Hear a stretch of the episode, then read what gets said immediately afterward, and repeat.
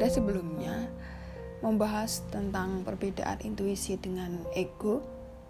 Lalu pada sesi ini akan disinkronkan perbedaan intuisi dan ego tadi dengan kasus mendasar pada manusia yaitu melakukan hal baru dan belum tahu lalu harus bagaimana.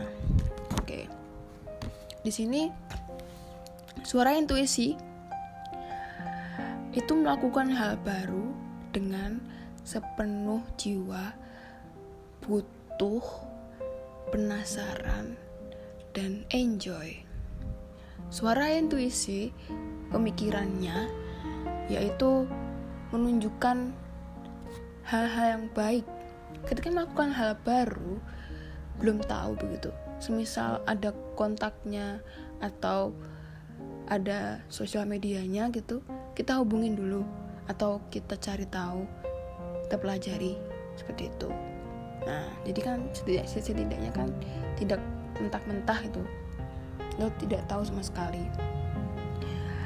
Kemudian selanjutnya pikiran dengan suara intuisi itu pasrah dalam melakukan hal baru banyak sekali ya uh, pemikiran bahwa harus bertindak seperti apa, harus bersikap seperti apa, harus dengan cara yang bagaimana, harus mempertanyakan pertanyaan yang seperti apa, seperti itu.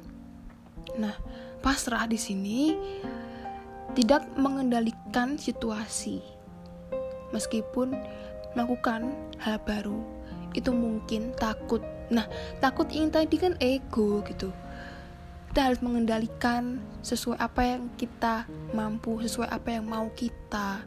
Nah sesuai apa yang mau kita itu tuh ego di situ. Kemudian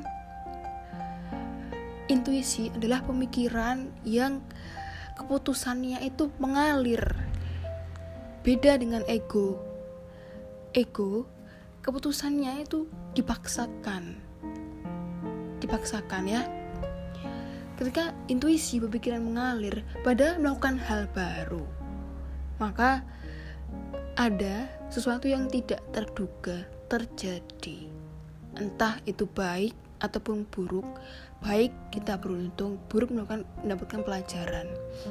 Nah itu tadi Kemudian suara intuisi. Tadi yang sudah jelaskan bahwa suara intuisi itu menginspirasi, memberikan suara-suara yang baik bahwa apa yang dipikir bisa pasti akan bisa.